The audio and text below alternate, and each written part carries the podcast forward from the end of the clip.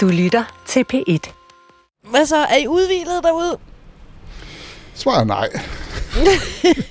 jeg er fuldstændig balleret. Jeg prøver, er så, også- prøver at lukke øjnene, men når jeg lukker øjnene, så kan jeg se, at der hænger plakater med Marine Le Pen på indersiden af mine øjenlåg. Det er ret... Øh, det gør det både svært at lukke øjnene og slappe af, hvis de faktisk lukker. Okay, men prøv at høre, venner. Vi skal holde os vågne, fordi nu skal vi altså lave podcast. Fra bundene af mit hjerte, tak.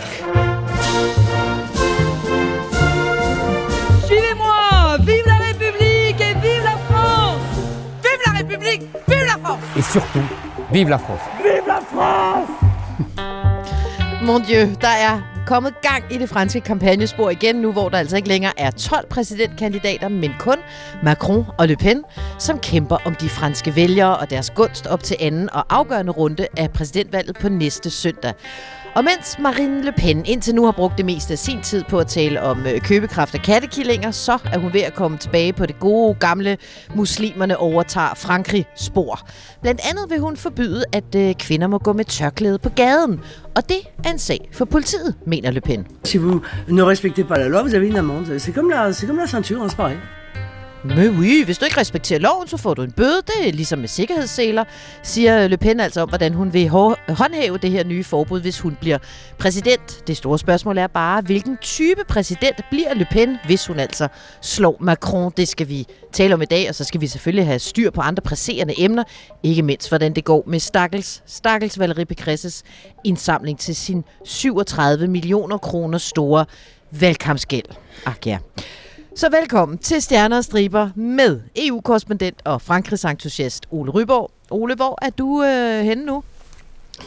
Jamen, øh, nu er jeg jo faktisk sådan på en eller anden måde gået all in og blevet øh, ærkegalleren af podcasten, fordi jeg befinder mig nu langt, langt, langt mod nord, der hvor ingen kan nå mig. Øh, faktisk så langt mod nord, så jeg befinder mig langt ude i en skov i Småland. Jeg har lige været inde i en øh, by og hente et gevær hos en våbensmed. Og rolig, Ole, Øh, jeg har rolig, været, rolig. Øh, jeg har været inde henne. Og øh, når vi er færdige her, så skal jeg øh, ud ud at slå i ihjel. skoven Og finde vores chefer. og næ, og øh, jagte vildsvin. Så det er simpelthen, jeg er simpelthen i dag podcastens svar på øh, Obelix. Ah, Det er stærkt. Så sender vi den der bare videre til øh, Asterix, udlandsreporter og øh, hushistoriker Lasse E. Du er vel egentlig lidt mere sådan idefix, er du ikke? Hvad er jeg mere som, siger du? Idefix? Ide- Idefix? Hvad hedder den der hund på dansk? Hedder den ikke Ja, den Idefix? hedder Idefix. Ja. Jeg er... Øh, jeg aner ikke, hvad I snakker om. Jeg troede, den Okay. hed idéfix.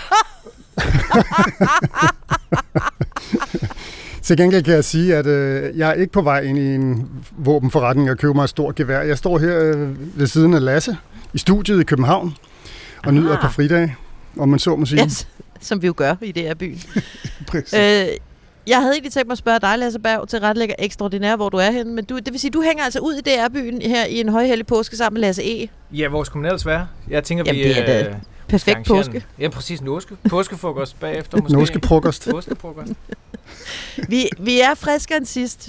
Please, det, det håber jeg. Det kan jeg næsten love. Øh, mit navn det er Stephanie Suryk, jeg er korrespondent og podcastbestyrer, og jeg befinder mig i Paris, på Montmartre, på min balkon, ved min lejelejlighed, iført en soltop og solbriller, fordi der er bare forår til valgkamp. Vive la République Vive la France og i al den her vidunderlige forårssol, der strømmer ned over os her i Frankrig, der pisker begge kandidater altså rundt ude på kampagnesporet, og de virker nærmest ustoppelige. Altså, Marine Le Pen, hun har nået at holde siden første valgrunde i søndags et vælgermøde i Avignon i Sydfrankrig. Hun har været ude og gå tur med landmændene. Se mig, jeg er landmændenes øh, præsidentkandidat i Jønne. Det er dernede, hvor man blandt andet øh, laver chablisvin. Hun har øh, besøgt en betonfabrik, sørme, i øh, Gennevilliers, ikke så langt fra Paris. Iført øh, hjelm og, øh, og gul vest. Fik I den? Hun har gul vest på. Og så har Marine Le Pen altså også holdt et øh, pressemøde den her uge om sit udenrigspolitiske program. Men det stak simpelthen lidt af.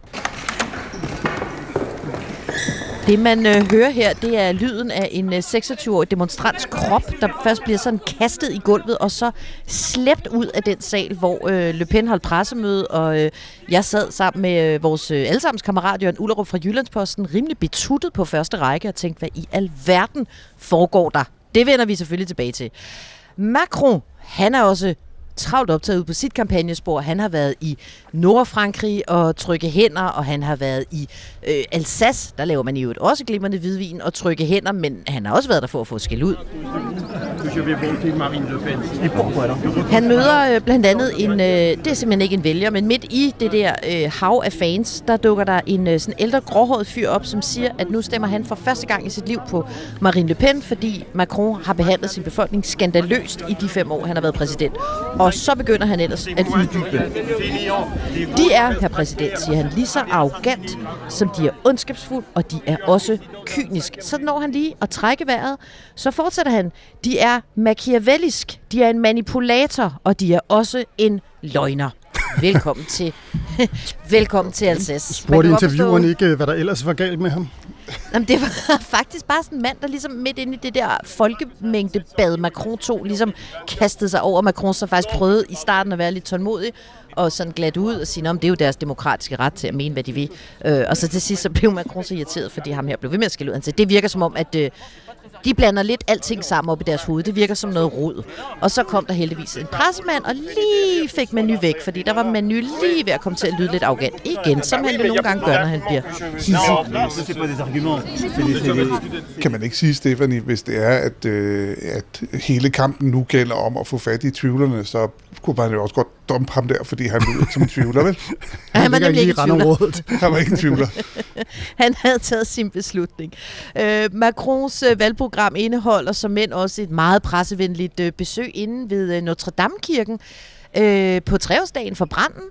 Og så skal han også ned til dejlige Sydfrankrig, ned til Provence, hvor han holder vælgermøde i weekenden i Marseille. Det er jo simpelthen, øh, det kan godt være, at Jean-Luc Mélenchon plejer at kunne trække mange mennesker dernede, men eftersom han er færdig med at holde pressemøder eller vælgermøder i øh, Marseille, så rykker Manu ind. Make our planet great again. Marine Le Pen har jo haft øh, mere end almindelig travlt med at beskrive sig selv som en moderat kandidat. Hun har jo i overvis taget afstand til sin far Jean-Marie, og så har hun jo i den her valgkamp gjort rigtig meget for at ikke at tale om udlændingepolitikken. Hun har ligefrem sagt, at hun jo ikke har noget imod udlændinge. Øh, lidt af en udtalelse fra hende. Så elsker hun katte. Vi, hun ærer kattene. Hun går meget op i, hvordan de har det i det hele taget. Det, er jo, det kan kun meget bløde personer jo have det sådan med katte. Det store spørgsmål... Du sætter dig ind i, Lasse E. Du er da også meget kattebegejstret type, har du fortalt. Ja, men jeg er heller ikke, øh, jeg er jo ikke øh, Marine Le Pen, og jeg er heller ikke i gang med at gøre det, hun nu er i gang med, vel, Steff? Nej, undskyld, undskyld. Det store spørgsmål for os er jo selvfølgelig, hvem hun egentlig er. Hvis man kigger nærmere på hendes valgprogram, så ser det nemlig jo ikke helt så moderat ud. For eksempel så føler hun, at det er nødvendigt at ændre på den franske grundlov. Mm. Hvad er det, hun vil, Stefanie? For hvis man vinder at ændre på grundloven, så tyder det på, at øh, man har tænkt sig at gennemføre noget politik, som er sådan temmelig radikalt. Ja, det er sådan en, øh, det er en decideret øh, hovedrengøring, hun har tænkt sig at øh, foretage sig, eller i hvert fald prøve på, hvis hun, øh, hvis hun bliver præsident. Hun vil have ændret den franske forfatning ved at sende den øh, til folkeafstemning, og noget af det franskmænd, de så skal tage stilling til, det er et øh, begreb, Marine Le Pen har talt om i mange år, øh, la préférence nationale, altså national øh, præference, national fortrinsret. Det er et udtryk, hun er begyndt at udskifte lidt med øh, la priorité nationale, altså national prioritet. Så hun har de her øh, ord skrevet ind i, øh, i den franske forfatning. Typisk så er det jo temmelig besværligt at ændre den amerikanske grundlov. Vi har haft nogen i USA, der har forsøgt sig med det. Det kræver jo virkelig meget. Hvordan er det i, øh, hvordan er det i Frankrig? Kan man bare gøre det? Nej, det kan man ikke, og øh, det kan man slet ikke, når man er Marine Le Pen, fordi der er mange i det etablerede system, som vil prøve at gøre det nærmest umuligt for hende, fordi de er øh, vildt uenige, fordi det her med national præference er jo politisk kæmpestort. Altså det handler jo simpelthen om, at franskmænd, øh, etniske franskmænd, jeg har ingen idé om, hvordan hun præcis vil definere det, men skal have fortrinsret til visse øh, velfærdsgoder i det franske samfund, altså i modsætning til, øh, til udlændingen. Det mener hun skal gennemføres i forbindelse med en folkeafstemning om en lov, som hun kalder loven om borgerskab, identitet og immigration, og som altså blandt andet skal øh, udpensle, hvad fremmedes status, det er det, det bliver kaldt for, øh, udlændingsstatus, er i det franske samfund. Og så er der så en masse palaver om, kan man overhovedet gøre det her? Det er også det, du spørger om, Lasse. Mm-hmm. Sådan, er det teknisk muligt? Fordi det er besværligt. Skal det være artikel 11, eller skal det være artikel 89? Der er en masse øh, teknisk diskussion af det her, som jeg øh, ikke skal trætte jer med. Øhm, men der er også en anden diskussion, som er, at øh, den franske forfatning, den har et forord, og det er menneskerettighedserklæringen. Og hvis Marine Le Pen vil have sine øh, nationale præferencer ind i forfatningen, så stemmer de altså ikke overens med principperne i menneskerettighedserklæringen. Og hvad så? Skal den så ud af den franske grundlov? Øh, hvad er det så for et Frankrig, vi får? Det er bestemt noget, som øh, franskmændene er begyndt at blive stærkt optaget af. Også alle mulige politologer mm. og forfatningsforskere og sådan noget. Fordi det er, jo, det er jo helt vildt, det der kan ske med noget, som måske lyder lidt nemt. Okay, så en folkeafstemning. Det, det, det er faktisk rimelig stort. Ja, jeg læste, øh, ja, om, jeg så en forfatningsforsker øh, nævnt i Le Monde, der, der kalder det øh, forberedelserne til et statskup. Det er jo det store ord, ikke? Men det er jo kan man sige, på mange måder også en debat, vi måske nok kender lidt herhjemmefra i forbindelse med stramningerne af vores egen udlændingepolitik. Er det noget, franskmænd er interesseret i det her? Altså, er de parat til, til den slags? Ja, ja, og men må jeg lige sige, jeg synes, det er lidt vildt at uh, kalde uh, resultatet af en folkeafstemning for et statskup. Altså, det lyder da sådan rimelig politiseret. Ja, det var sådan set også bare for at vise, hvor, øh, hvor siderne står henne i det her. Ikke? Ja, præcis. Du havner jo altid øh, i altså, diskussion, når du taler om de her ting, at der i virkeligheden er det, man kan kalde tre kategorier af personer i, dit, øh, i et land som Frankrig eller i Danmark for den sags skyld. Og det ene, det er dem, der har et nationalt øh, statsborgerskab. Så er der den næste kategori, som er EU-borgere, og det er sådan noget, det her, vi kender det fra diskussioner i Danmark, men det er sådan, at hvis du er, skal vi sige, dansker, og du søger arbejde i Frankrig, ja, så har du faktisk mulighed for at komme til Frankrig og arbejde, og man har også ret til noget hvis man har været til, til, til, til at gå på sygehuset, eller du ved, alle de her ting, og sådan noget, der er en hel masse sådan, øh, EU-rettigheder, dem kan du ligesom ikke røre ved, uden at du skal, ja, så kan du forlade EU. Øh, fordi det, det ligger fast i, i lovgivningen, og det har franskmændene selv været med til, at det er vedtaget af fransk parlament osv., og, det kan du ikke lave om på. Og så i virkeligheden, så er der kun en sidste kategori, som, hvor du godt kan tillade dig at have andre typer af regler, det kender vi også fra Danmark. Det er tredjelandsborgere, altså folk, der det kan være amerikanere og japanere, og hvor afrikanere, og hvem, hvor de folk ellers måtte komme fra. Dem kan du godt behandle anderledes, eller, men, men, men det, der er problemet for Marine Le Pen, det er jo en stor del af de øh, migranter, øh, eller de, dem med, fra anden etnisk oprindelse end det, man vil sige, original fransk, eller hvad man nu skal kalde det, de er jo øh, franske statsborgere og har været det i mange, mange, mm. mange år, mm. og det vil sige, dem kan hun jo overhovedet ikke øh, altså, gøre noget med, medmindre hun deciderer vel til at indføre racelove. Race- eller religionslove i den franske forfatning. Det, altså, det kommer hun jo ikke til at få lov til. Men det interessante er jo med det her, øh, den her snak om folkeafstemninger, der er jo virkelig mange franskmænd, der har efterspurgt det.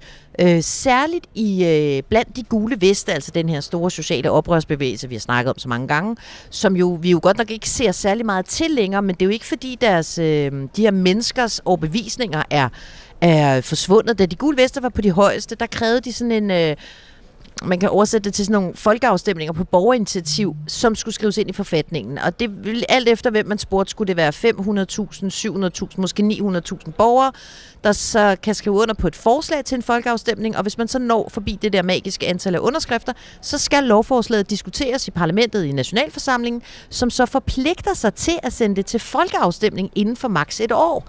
Og det vil altså i så fald være folkeafstemninger, som vil kunne afskaffe eksisterende love, men øh, som også vil kunne vælte siddende parlamentarikere eller præsidenter. Altså kort sagt, hvis man fortryder, man vælger øh, en eller anden parlamentariker, man vælger en præsident, så kan man ikke lide ham, så man laver en folkeafstemning og afskaffe ham igen. Og så så jeg faktisk et interview med Marine Le Pen i går aftes, fordi hun bliver virkelig øh, grillet på det her, hvor øh, journalisten så spørger, jamen altså, vil det så også være muligt at stemme om dødsstraf? Hvor Marine Le Pen siger, ja, ja det, vil, det vil jo så, hvis det her bliver ført igennem, i princippet også være muligt at lave en folkeafstemning om dødsstraf, men det er selvfølgelig ikke noget, franskmændene de vil øh, stemme for. Så det, altså Ole, det er sådan... Det kan godt være, at det er sådan en semifiktion, men det, det er rimelig vildt, det, det her. Det er da hæftige sager, altså. Ja.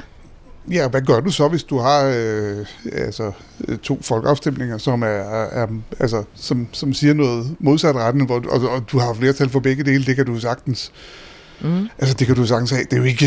Øh, altså, hvis der er et land, og det er vel også der, hvor man lidt er inspireret fra, som, som faktisk holder mange vejledende folkeafstemninger, så er det jo et land som Schweiz. Øh, men der har de jo faktisk, altså for det første, en, øh, dels, altså en, øh, en øh, skal vi sige, tradition for det, for det andet, så er de jo sådan, har også et ret godt system i forhold til, hvordan de finder ud af, hvad man, hvad man skal stemme om, hvordan og hvorledes man skal gøre det, hvorimod at hvis det er sådan, at hvem som helst kan sætte sig ned på en, en på internettet og formulere et eller andet spørgsmål og sende det afsted, og folk kan sidde og skrive rundt der, og så har du, der kan du lynhurtigt så altså skrabe, øh, skrabe en masse underskrifter sammen, og så, øh, og så få folkeafstemninger både det ene og det andet. Det er, det er i hvert fald, øh, det, der bliver rigeligt for os som journalister at få tiden til at gå, hvis de begynder på Det det. vil være en øh, fredelig revolution, i hvert fald, hvis det her det, øh, det sker. Der var rigtig mange af de gule veste, som, øh, som jeg talte med, da det gik højst for sig, som faktisk hele tiden øh, nævnte Schweiz som deres, øh, deres forbillede. Jeg vil så bare sige, fordi vi har en del emner, vi skal Åh, igennem, når vi Nella. grænsker Marine Le Pen. Lige præcis, jeg vil bare sige, at vi kan jo ikke. Det kan godt være, at de gule veste taler om Schweiz, men vi kan jo ikke tale om de gule veste, uden lige at tale om Ryborgs øh, hitliste. Revolutionens vindeblæser også i Ryborgs playliste. L'honneur des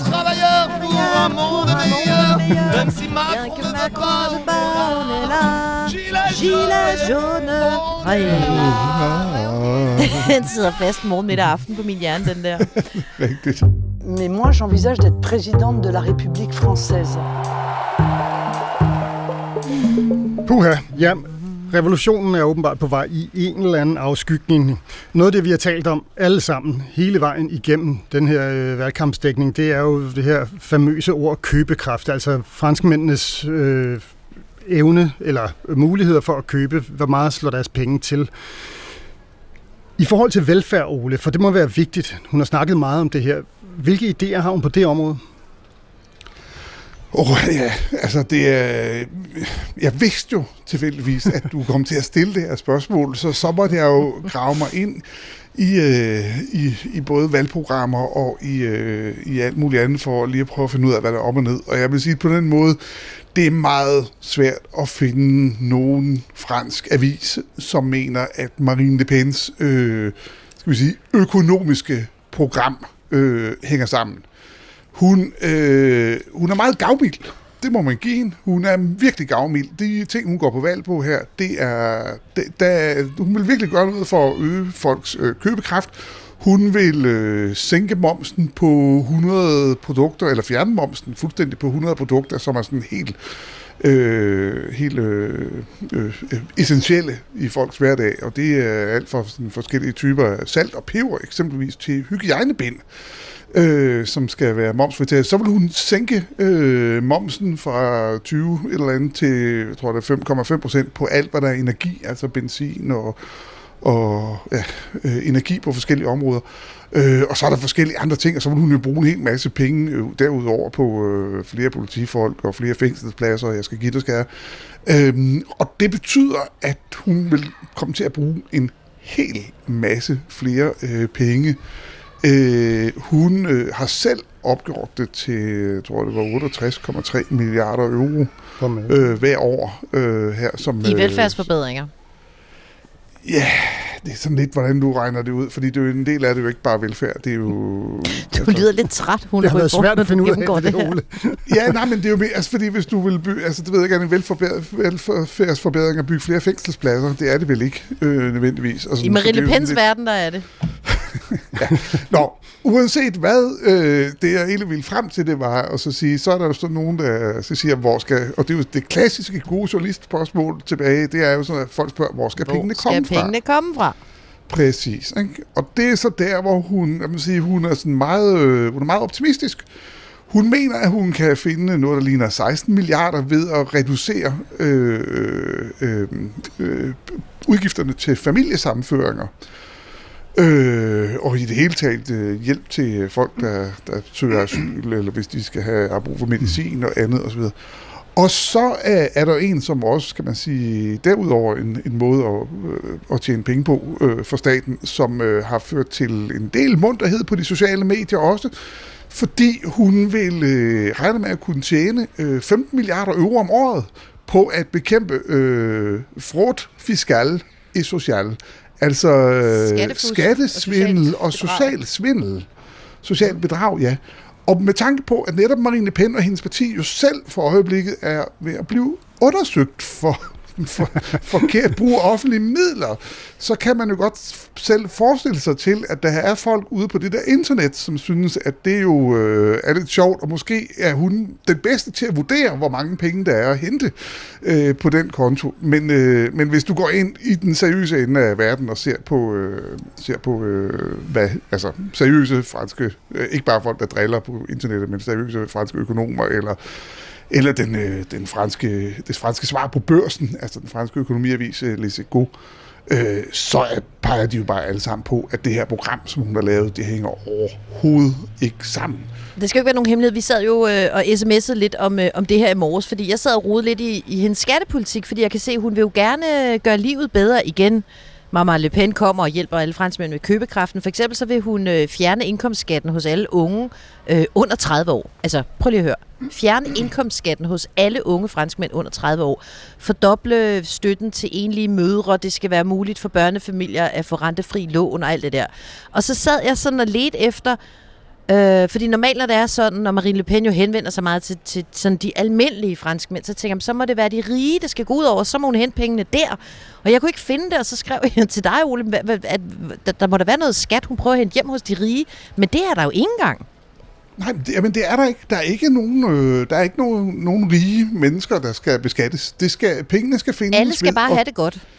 Nej, øh, ikke, øh, ikke, ikke folk, der, øh, der er på en eller anden måde indvandrere, eller øh, altså, hvis, altså hvis du på en eller anden måde får en eller anden form for social øh, bidrag, øh, øh, og, og har en anden etnisk baggrund, så skal du virkelig øh, være med til at betale alt det her.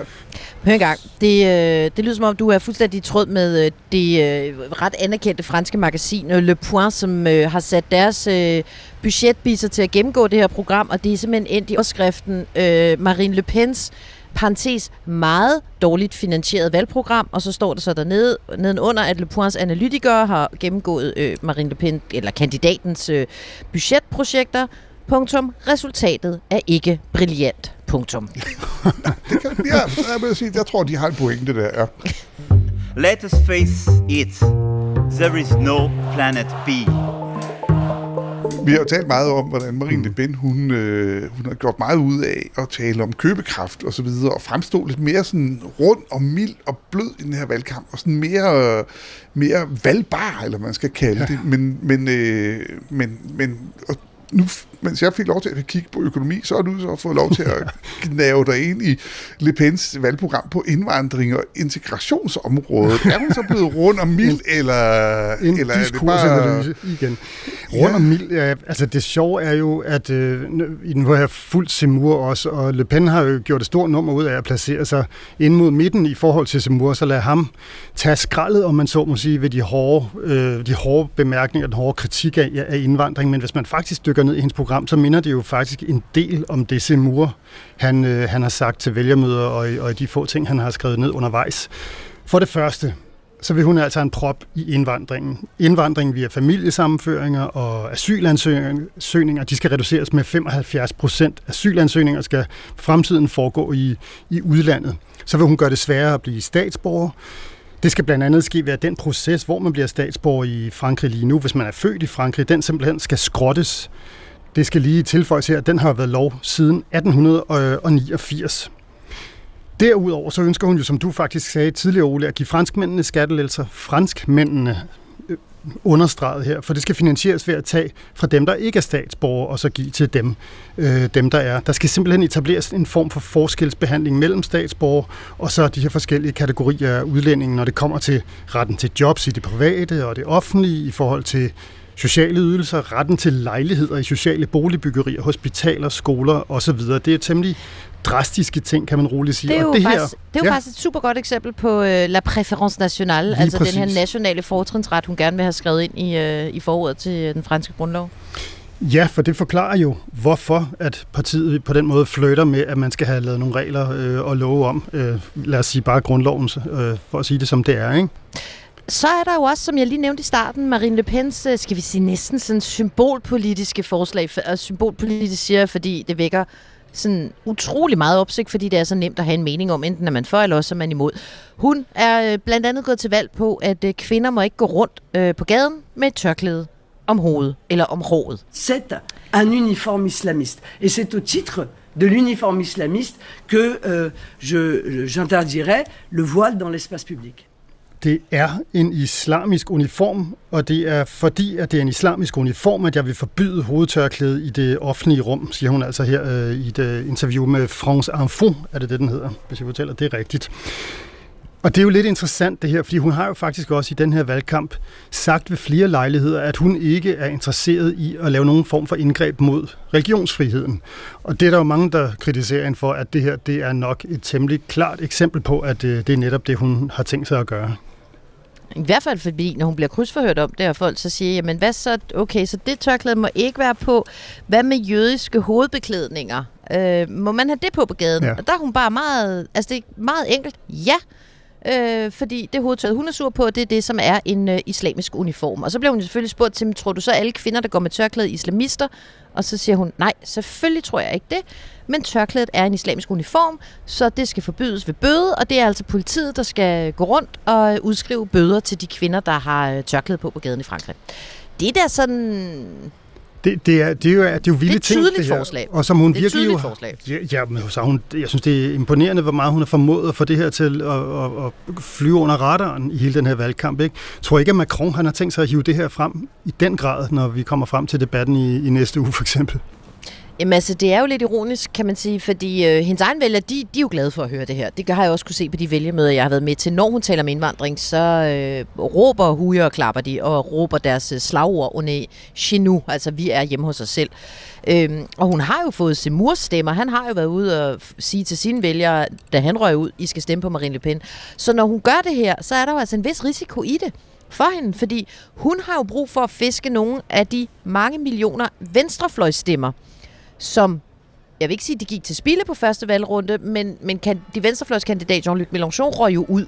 Og både Macron og Le Pen, som er de to eneste, der er gået videre, skal jo prøve at få fat i nogle af Mélenchons stemmer. Og jo mere hun siger hardcore ting på integrationsområdet, øh, jo mindre får man lyst til at stemme på hende, når man er på den yderste venstrefløj. Fordi det er jo altså virkelig noget, der adskiller øh, de her to øh, fløje i fransk politik.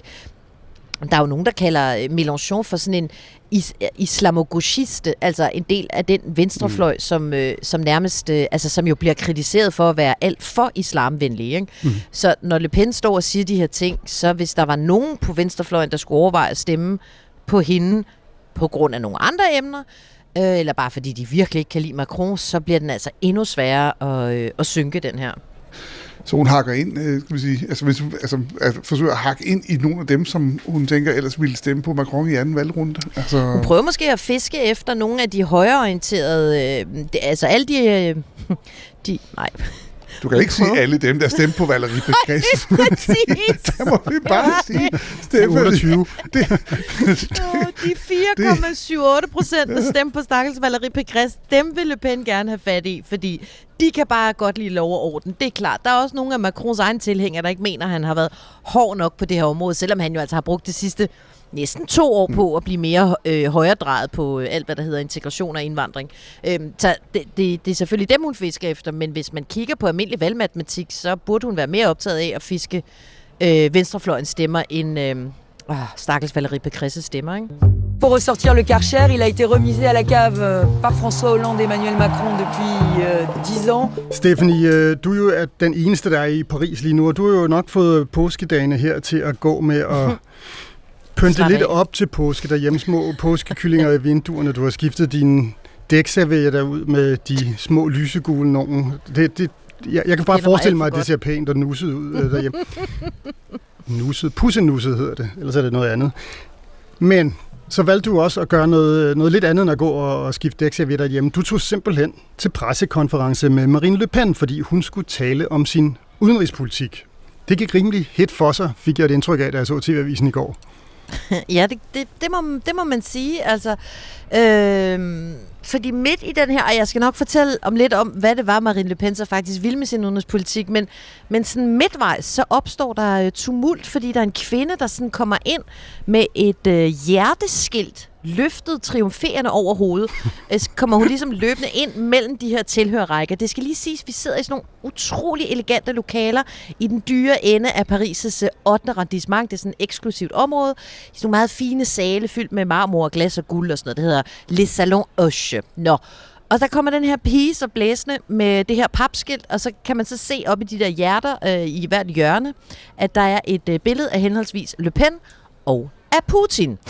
øhm, og det, der så sker, og det får jeg altså først sammenstykket bagefter, fordi alting er sådan rimelig forvirrende, da det foregår, men det er, at der så er en politimand, der ligesom laver en glidende takling på den her 26-årige øh, kvinde, så hun ligesom sådan går i gulvet, vil at mærke det her meget fine øh, bonede øh, øh, marmorgulv. Og så er der en øh, fyr fra øh, partiet, altså Rassemblement Nationals eget sikkerhedskorps, som så tager den her pige i den ene arm, og hun lægger sig helt slapt på gulvet. Hun har det glimrende. Hun kigger ud på, at jeg talte med hende bagefter. Der var ikke, øh, altså hun kom sådan set ikke til skade. Men det så fuldstændig surrealistisk ud, fordi han så tager hende, som var hun en sæk kartofler i den ene arm, og hun ligger helt slapt ned på gulvet. Og så slæber han hende først gennem den ene højloftede salon, og så begynder pressen sådan efterhånden at forstå, du ved, der er franske kameramænd, der springer op og begynder at løbe efter, som så filmer den her kvinde, der bare ligger og kigger op i kameraerne, mens hun så sådan bliver, bliver slæbt igen som den her pose kartofler ud i næste fine salon. Øh, og undervejs, der taber hun så både skiltet og, øh, og sit halsterklæde. Øh, jeg fik fat i hende bagefter. Hun hedder øh, øh, Pauline, altså Pauline Ferniaud. Hun øh, viser sig at være øh, klimaaktivist, og så er hun altså også øh, byrådsmedlem for Partiet De Grønne i øh, Boulogne-Billancourt, som er en, øh, en forstad til Paris. Og hun øh, fastslog adskillige ting bagefter, efter hun også havde sagt, jeg har det godt. Øh, det, gør ikke noget, at øh, politimanden og sikkerhedsvagten øh, manhandlede mig, fordi det er bare deres job, men jeg er her i et øh, politisk ærne. Og hun sagde blandt andet sådan her. Avec Le Pen, on aura l'ultralibéralisme et le racisme. Ja, jeg er ked af, at den der lyd er lidt dårlig, men det er mig, der står og sådan prøver at fægte efter hende med min mobiltelefon, hvor hun så siger, øh, med Le Pen, der får vi altså både ultraliberalisme og racisme, og der er brug for, at vi mellem de her to valgrunder minder os selv om, og nu skal jeg høre godt efter, hvilket projekt Front National egentlig er. Hvad synes I, der er lidt sjovt i den sætning? Front National. Front National. Lige præcis. Hun, Hun har nægter ikke jo at købt sige det her. nye og- navn. Præcis, ja. Hvad handler det om, Ole? Hvis vi lige skal udlægge, hvem, hvem, hvorfor er det folk nogle gange, nogle mennesker stadig går rundt og siger Front National, og ikke Rassemblement National? Nej, men det er jo fordi, øh, øh, i bund og grund, så er partiets politik jo ikke øh, så forandret, som øh, man gerne vil give indtryk øh, af. Øh, der er stadigvæk altså en del af, af de skal vi sige, mest rabiate kræfter, som er, er forsvundet ud med både med, med farmand Le Pen og med, med, med, med øh, andre. Der var nogen, der gik med, som, som en, en, en kendt fyr, som jeg har interviewet et par gange, som hedder Silberg Collard, som gik med med Semur og så videre, men som sådan, så, øh, så øh, er, er det sådan, at dem, som beskæftiger sig med fransk politik, de betragter jo ikke det, den forandring, der er, er med, med, med det nye, den nye partinavn, som værende en kæmpe øh, forandring af, af, af partiet i forhold til, hvordan det var med, med Front National. Altså det er egentlig også, altså det er også sådan, jeg fortolker, det er lidt for at genere Marine Le Pen, og for at minde franskmændene om, hvad de, dem, der bruger udtrykket fra National i hvert fald selv, synes, at det er, øh, hvad skal vi sige, gammel vin på, øh, på nye flasker, ikke? Når partiet nu hedder Rassemblement National. Ja, så er det vel også for at lægge en lille smule pres på medierne, fordi, fordi øh, altså, politikere bliver jo bedre og bedre til at udnytte, at, at vi som medier også, at, at det vi gør for netop ikke at være en del af en valgkamp, er jo at vi citerer, hvad folk siger, og, og bruger deres navn osv. Og, og det vil sige, den der måde at kalde sig selv noget andet, eller udtrykke ting på en anden måde, øh, er sådan en måde, og, og at, så, så, ja, så er det det, medierne citerer, og så kan man pludselig, hvis man ikke følger så godt med i politik, få indtryk af, at det måske er noget helt andet, der foregår, end, end, end det, der var engang. Det så jo sjovt ud, altså det, eller sjovt ved jeg ikke, om man kan kalde det, men øh, det, det var i hvert fald lidt af en scene, da hun sådan kom vadende op på gulvene der, eller i mellemgangen, med det der fine hjerteformede skilt. Det lignede nærmest, hun havde klippet mm. til selv, gjorde det ikke? Jo, men det var jo faktisk, øh, det var jo faktisk papir, øh, hun havde fået fra en tryksag, vi har talt om tidligere her i øh, Stjerner Striber, da Marine Le Pen hun sendte sit første program ud, og det blev både trykt og distribueret i over 2 millioner eksemplarer. Der var der på side 8 under afsnittet om udenrigspolitik. Ah. Ah, et billede af Marine Le Pen og Putin, der står og holder hånd i hånd. Det skulle vise, at øh, Marine Le Pen hun er præsidentiel og også kan begå sig på den internationale scene. Da Rusland så invaderede Ukraine, så skyndte de sig jo ligesom at smide resterne, hvad de havde øh, af, af lager af den her tryksag ud, fordi der blev så meget øh, skandale om, at hun ligesom profilerede sig på at holde i hånd med Putin i, øh, i Kreml. Og det var altså den her brochure, som de havde øh, fået klippet det her fine hjerte ud af. Og da jeg spurgte hende her, øh, Pauline Ferniaud, øh, bagefter, øh, hvorfor hun var blæst ind med det der skilt, der sagde hun øh, sådan her. Øh, Marine Le Pen présidente. Alt bliver altså ikke pænt og ordentligt, øh, hvis vi får Marine Le Pen som præsident, og med pænt og ordentligt, der refererede hun ligesom til de der sådan, nærmest sådan, øh, slotsagtige omgivelser, vi stod i inde i de her øh, Salon Oche. Og så sagde hun, vi kommer til at få meget stærke diplomatiske relationer med, med Rusland, som lige nu begår øh, krigsforbrydelser i Ukraine. Men Stephanie, da så først øh, øh, Pauline med sit lille hjerteskilt var blevet slæbt ud af, af salen som en, en sæk kartofler, begyndte det så ikke at handle om øh, Le Pens øh, udenrigspolitik på et eller andet tidspunkt? Jo, men det ironiske var faktisk, altså jeg ved ikke om de, jeg tror de må have koordineret den her aktion, fordi øh, Marine Le Pen fremlagde først sit udenrigspolitiske program, og da hun så skulle have spørgsmål fra salen, så begyndte der bare at komme mange Ruslands spørgsmål fra presse alle mulige steder, både fra tysk presse, amerikansk presse osv. Og det var faktisk her undervejs, at øh, Pauline hun kom blæsende ind. Så jeg tror, hun har haft en inde i salen, der ligesom fortalte hende, så er det nu, nu er timingen her. Men altså inden, øh, inden det hele det blev afbrudt, der... Øh, der sådan doserede Marine Le Pen i hvad, en tre kvarters tid, tror jeg, hvor hun øh, sagde, øh, ja, øh, nu vil jeg gennemgå mine øh, udenrigspolitiske ambitioner øh, kontinent for kontinent, så rettede den mand, jeg sad ved siden af mig, ind, så ind over mig og sagde, puh, det kommer til at tage lang tid det her. øh, man kan godt forstå ham. Øh, Var det ulo? men øh, jamen, det kan jeg ikke afsløre, men jeg kan sige, at han i hvert fald sad på den ene side af mig. Gode Jørgen Ullerup. Mm. Øhm, det var jo en, et verdenssyn, som jeg vil ikke sige, det er diametralt modsat af Emmanuel Macrons, men det er godt nok et andet verdenssyn, øh, Frankrig kommer til at repræsentere, hvis det bliver fru øh, Le Pen i øh, Élysée-palæet. Øh, blandt andet så fastslog hun, at hun øh, mente, at når øh, krigen i Ukraine er slut, så skal NATO og Rusland have øh, strategisk meget tættere forbindelser. Det var ligesom den ene pointe, hun kom med. Øh, den anden pointe var, at hun synes, at øh, Joe Biden i USA er alt for hård i sin øh, linje over for Kina, for eksempel. Hun sagde også, at øh, jo, hun ville sådan set gerne være på god fod med Tyskland, men det blev under ingen omstændigheder alt det der fedteri, hun synes, Macron havde lavet for øh, fru Merkel, og det der tysk-franske parløb, der var blevet hyldet i så mange år. Der skulle simpelthen noget mere kritisk sans ind, men når det var blevet sagt, så var hun helt vild med Tyskland, og kunne også godt lide at tage på ferie der. øhm, og så fik, øh, så fik EU også øh, med grovfilen, og det var altså virkelig sådan en... Øh, det var en interessant sådan øh, argumentationsrække, hun kom med der, fordi Marine Le Pen vil jo ikke længere forlade unionen, hun vil ikke længere forlade euroen, som hun jo ellers er gået til valg på tidligere. Og det understregede hun, men hver gang hun ligesom havde understreget det og sagde, jeg, jeg taler jo ikke om et øh, Frexit, altså et øh, fransk Brexit. Så hver gang hun ligesom sagde det, så mindede hun salen om, at øh, Brexit jo slet ikke havde været så slemt for britterne, som medierne og eliten ligesom havde sagt. Så britterne havde det faktisk rigtig godt på trods af Brexit, men jeg vil altså ikke have et Brexit. Men Brexit gik rigtig godt, men jeg vil ikke have et Brexit. Øh, hvor man tænker, vil du, vil, vil du så gerne have et Frexit, hvis du hele tiden taler om, hvor, hvor wonderful Brexit var? Det, det stod ikke helt klart for mig. Og så efterhånden, så begyndte det at stå klart for mig, fordi så uddybede hun jo så og sagde, at hun vil have et meget løsere europæisk samarbejde. Hun understregede, at Frankrig er ikke sådan en, øh, en middelnation, det er en stormagt, øh, og vi skal ikke ligge under for alle mulige former for strategiske partnerskaber. Det var et udtryk, hun virkelig ikke brød sig om. Øhm, og det mener hun jo så blandt andet, at øh, Frankrig gør i det her enormt tætte EU-samarbejde, der mm. eksisterer, og jo til dels for Frankrigs vedkommende er blevet tættere efter fem år med, med Emmanuel Macron. Hun fortalte også, at hun ville simpelthen have, at Frankrig betalte færre penge penge øh, til EU, end, øh, end de gør nu. Hun vil grundlæggende ændre institutionen indefra, i hvert fald ændre Frankrigs rolle indefra. Ole Ryborg. Mm. Ja. ja. Sagen er jo den, at hvis Marine Le Pen skal gennemføre de ting, hun øh, har sagt, hun ønsker at gennemføre i sit valgprogram, øh, så kan Frankrig ikke blive i EU. Øh, det kan hun ikke. Lige nu så er Frankrig med i EU's fælles mønt. Øh, og det vil sige, der har du en fælles europæisk national øh, eller centralbank, som er dem, som øh, trykker den fælles mønt. Du har øh, nogle fælles øh, økonomiske spilleregler for, hvor stort et budgetunderskud må, du må have, hvor stor offentlig gæld du må have, øh, osv. osv. Man har nogle fælles økonomiske målsætninger om, hvor stor inflationen skal være, osv. osv. Og det hun siger i sit program, det er, ja, så vil hun forandre EU-samarbejdet.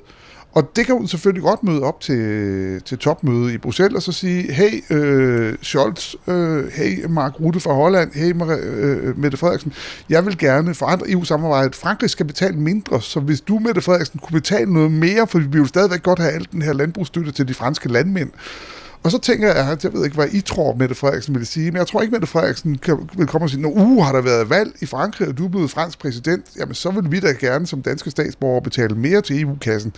Eller tyskerne kommer og siger, det vil vi gerne. Så det kommer du ikke nogen vegne med. Og du kommer heller altså, ikke vegne med, med at sige, at de her budgetregler, der alle er blevet enige om, voldsomt og sagt, okay, det er de her, der, der gælder, du kommer og laver dem om. Så det afgørende spørgsmål for at opsummere en meget lang rant om det her, det er jo, at hvad gør, det interessante er, hvad gør Marine Le Pen, når det viser sig, at hun ikke kan få de øvrige EU-lande til at ændre reglerne, mm. og når hun ikke kan gennemføre sin egen politik. Øh, det har jeg altså øh, bud på, Ole. Ryborg. Ja, Fordi øh, inden jeg tog til Marine Le Pens øh, vilde pressemøde, der var jeg faktisk til, øh, til sådan en, øh, en briefing hos øh, Macrons øh, valgkampshold øh, i den øh, fattige, i den billige ende af det 8. arrondissement, på den anden side af store smukke, den store smukke park, der hedder Parc Monceau. Øh, og deres udlægning af det her, de sad seks mand høj og sagde, I må ikke nævne os ved navn, I må kun sige, at det er Macrons kampagnehold, der udtaler sig. Så jeg nøjes med her at sige, at det var Macrons kampagnehold, øh, der udtalte sig.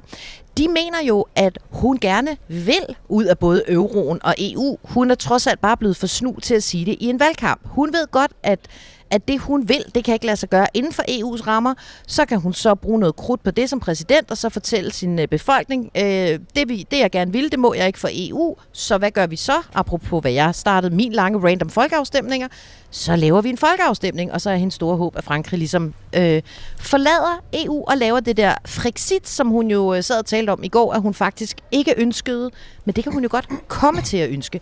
Og faktisk så øh, dette kampagnehold, som jeg lovede at øh, citere øh, vedkommende for, øh, sagde også, det er lidt det samme med øh, klimaaftalen, altså Paris-aftalen, hvor hun mm. siger, jeg vil ikke ud af Paris-aftalen. Nej, nej, det vil jeg bestemt ikke. Mm, Jeg er meget enig i mange af, af målene, men øh, vi bliver nødt til at gøre det i vores eget tempo. Og øh, som, øh, som de her Macron-kampagnefolk sagde, altså Paris-aftalen er jo en tidsplan. Så hvis man ikke vil følge tidsplanen, så vil man ud af Paris-aftalen. Det er ligesom deres udlægning, men Marine Le Pen sørger for hele tiden at sige, nej, nej, jeg vil hverken ud af Paris-aftalen eller EU. Hvad køber du øh, ikke? Jeg synes, deres udlægning lyder fornuftig, øh, Ole. Hvad tænker du? hvis du skal gennemføre et Frexit, øh, altså hvor du ligger landfast med, øh, med øh, resten af EU, og du har en fælles mønt, øh, altså det vil blive den vildeste øh, økonomiske shitstorm ever, hvis du skal til at begynde det. Plus at øh, britisk økonomi var ret okay, da de gik i gang med det. Men hvis du kigger på fransk økonomi i dag, så er den ikke, selvom den er blevet en anelse bedre under Macron, så er den jo slet ikke i samme, øh, samme, samme forfatning. Så jeg vil bare sige, det, altså det er... Den, den folkeafstemning, den, den, jeg skal sige, det økonomiske øh, virvar, der vil være rundt om sådan en, vil, øh, at det bliver en fest. Jeg lover dig, at vi skal lave daglige stjernestriber, hvis det sker. Det bliver en rigtig fest. Det er simpelthen vildt. Altså på den ene side, så står hun øh, og glatter ud med den ene hånd, ikke? Med, på den anden side, så står hun med splitten fra en håndgranat i, i munden og er parat til at kylde den direkte ind i, øh, ind i EU-samarbejdet. Ja. Er, det ikke vildt, Nej, vi eller er det bare siger, mig, øh, der står her? Jo, jo. Vi siger bare stay tuned. On behalf of the 12 million inhabitants of Ile-de-France, thank you very much. Og hvis man skulle være i tvivl, så var det jo altså Valérie Pécresses øh, bløde stemme, der sagde thank you her. Vi kan jo ikke øh, efter altså den græske tragedie, der udspillede sig i fransk politik øh, dagen efter første valgrunde, hvor Pécresse måtte gå ud og sige, at hun personligt skyldte øh, 5 millioner euro i sin øh, valgkamp. Vi kan jo ikke bare lade den hænge. Oh, det er der fortæl, fortæl, siden. fortæl, fortæl. ja, men der er... Altså, Forstyr jer. Der er, ja, men, det er, men det er så vanvittigt. Altså, hun måtte jo gå ud dagen efter og øh, annoncere den her hjemmeside, som øh, hedder Don .valeriepecres.fr, altså donation Valerie FR. Der kan man så gå ind, og der har, øh, der har jeg været inde, det vil jeg da gerne øh, indrømme. Og der kan man så øh, donere øh, for at få lukket hendes gæld. Der foreslår den så 40. Jeg vil lige sige, jeg har altså ikke doneret noget. Øh, det er bare mere af, af princip. Jeg vil hellere bruge mine penge på, øh, på croissanter. Men altså, øh, 40 euro, 100 euro, 200 euro eller 500 euro. Og så nedenunder, så står der øh, en fri sum op til 4.600 euro, kan man så klikke på. Øhm, og det er jo fordi franskmændene jo faktisk kan trække deres... Øh, hvad skal vi sige, deres øh, sammenskudskilde til Valerie Pécresse fra i Kan skat. man virkelig hvis det? Man kan simpelthen betale, øh, eller øh, øh, trække fra, hvis man øh, baler Valerie Pécresse ud. Ja. Det er jo vildt. Kan man. Op til 4.600 euro kan du trække fra. Ikke? Mm-hmm. Hvor meget er der samlet ind? Jamen, det er det, der er så lidt irriterende. Der er simpelthen ikke et øh, barometer. Det kan jeg også godt forstå. Ej. Det ville være frygteligt, hvis hun gjorde det, fordi alle medier ville jo øh, sidde og følge med i øh, det her donationsbarometer. Men øh, Stakkels Valerie Pécresse er jo blevet til cirka 1000 memes øh, på Twitter og omegn oven på det her. Og øh, der er også flere, øh, skal vi sige, prominente politikere, der øh, mundrer sig en lille smule over det her. Ole, hvad har du bidt mærke i? Åh, oh, jamen, øh, jeg, altså, det, jamen, jeg, jeg frygter lidt, fordi jeg, det er jo faktisk lidt en fest at følge med i alle de der memes. Altså, der var en af politikerne, han, han sagde, jeg kan da godt låne hende min Peugeot 308 et par dage, hvis det er, hun er i vanskeligheder. Så må hun gerne låne min bil. Det var vel at Øh. mærke, altså en af de øh, præsidentkandidater, der blev øh, sorteret fra, nemlig en af de kommunistiske kandidater, som ligesom sagde, du kan godt låne min bil en dag eller to. Som det- altså, i modsætning til de 10 millioner euro, som Pécresse er god for, er god for 2.000 euro, fordi han har en elskuter. Og, men, så, men så var det også bare, når du så kigger, fordi det der jo så sker, det er, så tager folk jo nogle af de her udtalelser, som Bekræs er kommet med undervejs, og smider tilbage i ansigtsbågen. Så blandt andet, så er der en, der cirkulerer helt ude på, på, på nettet, som er sådan en, hvor, hvor, hvor Bekræs, hun jo udtalte, at øh, fordi hun er meget modstander af, at folk skulle få forskellige typer af sociale ydelser og bidrag, ikke? Så i stedet for, så var hun jo på, at min, øh, min, min værdi, det er sandelig den, det arbejde, jeg yder, og så man ikke skal have, have, have, have være afhængig af øh, hjælp fra andre. Ikke? Og øh, det kan du selv tænke dig, hvordan den ser ud i dag, den udtalelse. Og så var der et, øh, et citat, øh, som jeg simpelthen, jeg elsker den, som jeg også hørte, og det var sådan en, hvor Pécresse står på et valgmøde, og så siger hun så, og med Macron, øh, avec, le, avec Macron, c'est, øh, c'est la Dijon après. Så kommer regningen bagefter. og der må jeg bare sige også, der må jeg bare sige, okay, ja, og det gjorde den så også med Pécresse. Jeg har set en masse, der opfordrer hende til at... Altså, hun har jo masser af ejendom og sådan noget, hun kunne sælge, ikke? Men øh, en af øh, de ting, eller genstande, øh, der er ret mange, der synes, hun skal få, til at få solgt, det er hendes Miro-litografi, som formodentlig heller ikke er helt billigt. Ej, hvor er det strengt. Nå, hvor jeg har set masse billeder på Twitter af folk, som, øh, som skriver en check, og så lægger de et billede af både checken og så øh, kuverten til Valérie Pécresse hos i Republikanernes øh, hovedkvarter i øh, Paris i det 15. arrondissement. Billedet af kuverten, billedet af checken, hvor der står 0,00 euro. Altså, det er alligevel utroligt, at folk de gider bruge så meget krudt på at skrive, at, øh, at de ikke kan lide hende. Men altså, vi mm. sender Valérie Pécresse, om ikke en donation, så i hvert fald øh, mange gode tanker. Og så skal vi også lige nå at kigge lidt på, øh, på valgmatematikken, fordi øh, nu står Macron og øh, Le Pen jo og kæmper om øh, stemmerne fra øh, blandt andet de her 10 kandidater, som jo altså ikke er gået videre. Altså, der er jo blandt andet øh, kommet hjælp fra en, en af fra, altså, de mest prominente franskmænd overhovedet, nemlig den øh, tidligere præsident Nicolas Sarkozy. Han har jo været øh, præsident for republikanerne.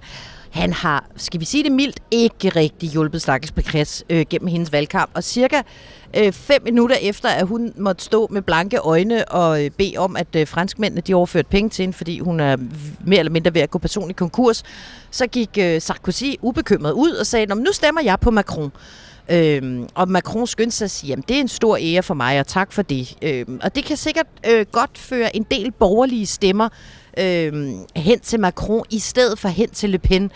Men, men, men, Macron har jo også, ligesom Le Pen har, som vi talte om til at begynde med, han har også brug for nogle af venstrefløjens stemmer. Og hvis du står på den yderste venstrefløj og ser øh, en, øh, et, et borgerligt ikon som Sarkozy sige, Macron er den rigtige politiker for mig, så bliver det svært, hvis man står på den yderste venstrefløj og sluge, at man skal hen og, øh, at stemme på Macron, så det er, det, det er en hjælp, men øh, det kan også godt øh, blive et problem. Så vil jeg lige tilføje, at øh, lidt socialistisk hjælp er der kommet til Macron, fordi øh, Frankrigs øh, tidligere premierminister, øh, Lionel Jospin, som er øh, fra det gamle Socialistparti, han har også været ude og sige, at han stemmer på Macron. Og så har vi jo de der øh, 20 procent, der stemte på øh, Mélenchon. Mm. Hvad, hvad sker der med de vælgere nu? Jamen, du fortalte jo så levende, hvordan Mélenchon havde kigget rundt øh, til alle verdenshjørner og sagt, vi giver ikke en stemme til Marine Le Pen. Øh, så har de så lavet nu en slags, skal vi sige, online-konsultation for partiets øh, medlemmer, hvor man kan gå ind, og så kan man skrive, hvem man agter at stemme på. Det interessante er bare, at man får tre valgmuligheder, og Marine Le Pen er ikke en af dem. altså, okay. man, kan, man kan sige, at man har tænkt sig at stemme på Emmanuel Macron, man kan sige, at man har tænkt sig at stemme blankt, eller man kan sige, at man har tænkt sig at blive hjemme. Det er det, man har af valgmuligheder, okay. hvis man går ind i sit eget partis online-konsultation. Uh, jamen det er jo fordi, nu har Mélenchon ligesom bestemt, at de kan ikke stemme på Le Pen. Altså, så det er jo, uh, det er jo sådan lidt funky udgave. Det her, det, det, uh, resultatet bliver så offentliggjort i næste uge, og der har Mélenchon så sagt, I må ikke tro, at det så er... Uh, det betyder, at det er en direkte opfordring til, hvem I skal stemme på, men så kan man jo i hvert fald kigge på det her og se, øh, hvad flertallet af vores partimedlemmer har tænkt sig at gøre. Det er jo rimelig, øh, ja, rimelig funky. Det bliver spændende at følge med i, hvad i alverden de når frem til i den her online konsultation, hvor man altså må sige, hvem man vil stemme på af de to, der går videre til runde to. Man må bare ikke stemme på den ene af dem. oh, it's so French.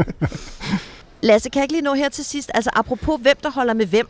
Ved, ved vi noget som helst nu om, øh, hvad Marine Le Pen pønser på, hvis hun skal lave en regering, hvem hun vil have med eller ikke have med? Altså, vi har jo hørt, det sagde hun lige før, øh, før anden, jo, første valgrunde, at hun jo faktisk var åben for at tage nogle venstreorienterede ministre ind i sin regering.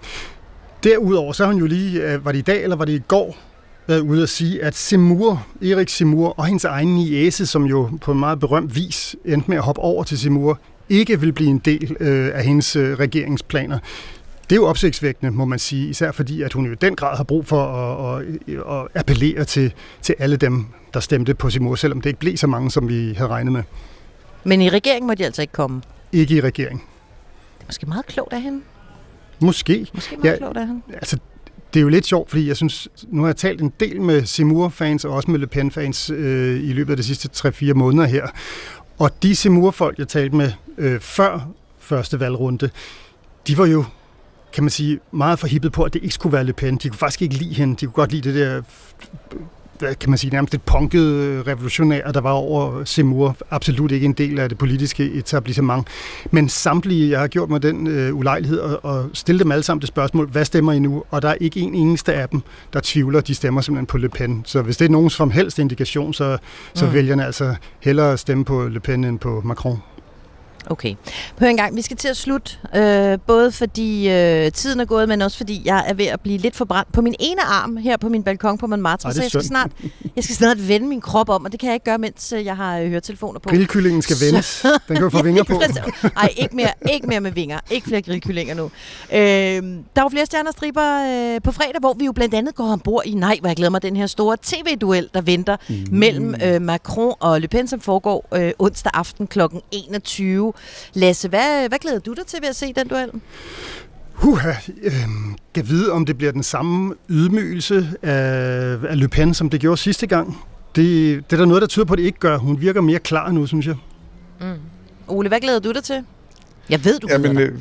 Øh, Ja, i, i den grad, men Stefan, jeg vil næsten stille spørgsmål den anden vej hen. Tror du, kan du se for dig, at vi endnu en gang får et hashtag, ligesom for fem år siden, hvor det dengang, det der trendede mest af alt, det var øh, hashtagget Je suis Nathalie saint Krig. Åh, oh, det var frygteligt. Det kræver en forklaring, det der, for ja, det kræver en forklaring. Ej, men det var som at se et trafikuheld i slow motion. Altså en ellers ret dygtig uh, politisk uh, tv-reporter ved navn Nathalie Saint Krig blev sat til åh oh, gud, at være moderator på den her debat. Og altså, hun blev ikke bare kørt over, hun blev kørt over most ned i asfalten, og så blev hullet lukket til hen over hovedet på hende. Det var cirka hun sådan, gjort? hun klarede den opgave. Jamen, hun fik bare ikke et ord indført. Altså, Hun gav jo op til sidst, du stopper. Til sidst så opgav hun. så hun sad bare og bare kiggede ned i bordet, og der blev taget de vildeste billeder af hende. Og så var det jo folk begyndt at tage det gamle solidaritets-hashtag efter attentatet på Charlie Hebdo, som var Je suis Charlie, og så spredte det der Je suis Nathalie på Twitter, fordi folk bare havde så ondt af hende. Nå, prøv at høre. Øh, jeg glæder mig til, at vi skal se debat og gå den igennem i alle mulige og fuldstændig umulige øh, detaljer næste gang. Kan I have øh, en god påske? Og Ole, god, øh, god vildsvinjagt. Jeg sender et billede, hvis der er, hvis der er held. Hvis Ja. jeg er lige så god til at jage som Obelix. Det er godt. God jagt. Jeg tager noget solcreme på. Vi ses Au efter påske, guys. Jeg ved, hvad Gims han siger til hele Valerie Pécresse-gate. Han støttede hende jo. Han er bumstille om Valerie Pécresse lige nu. Det var mærkeligt. Du mâle et de la femelle.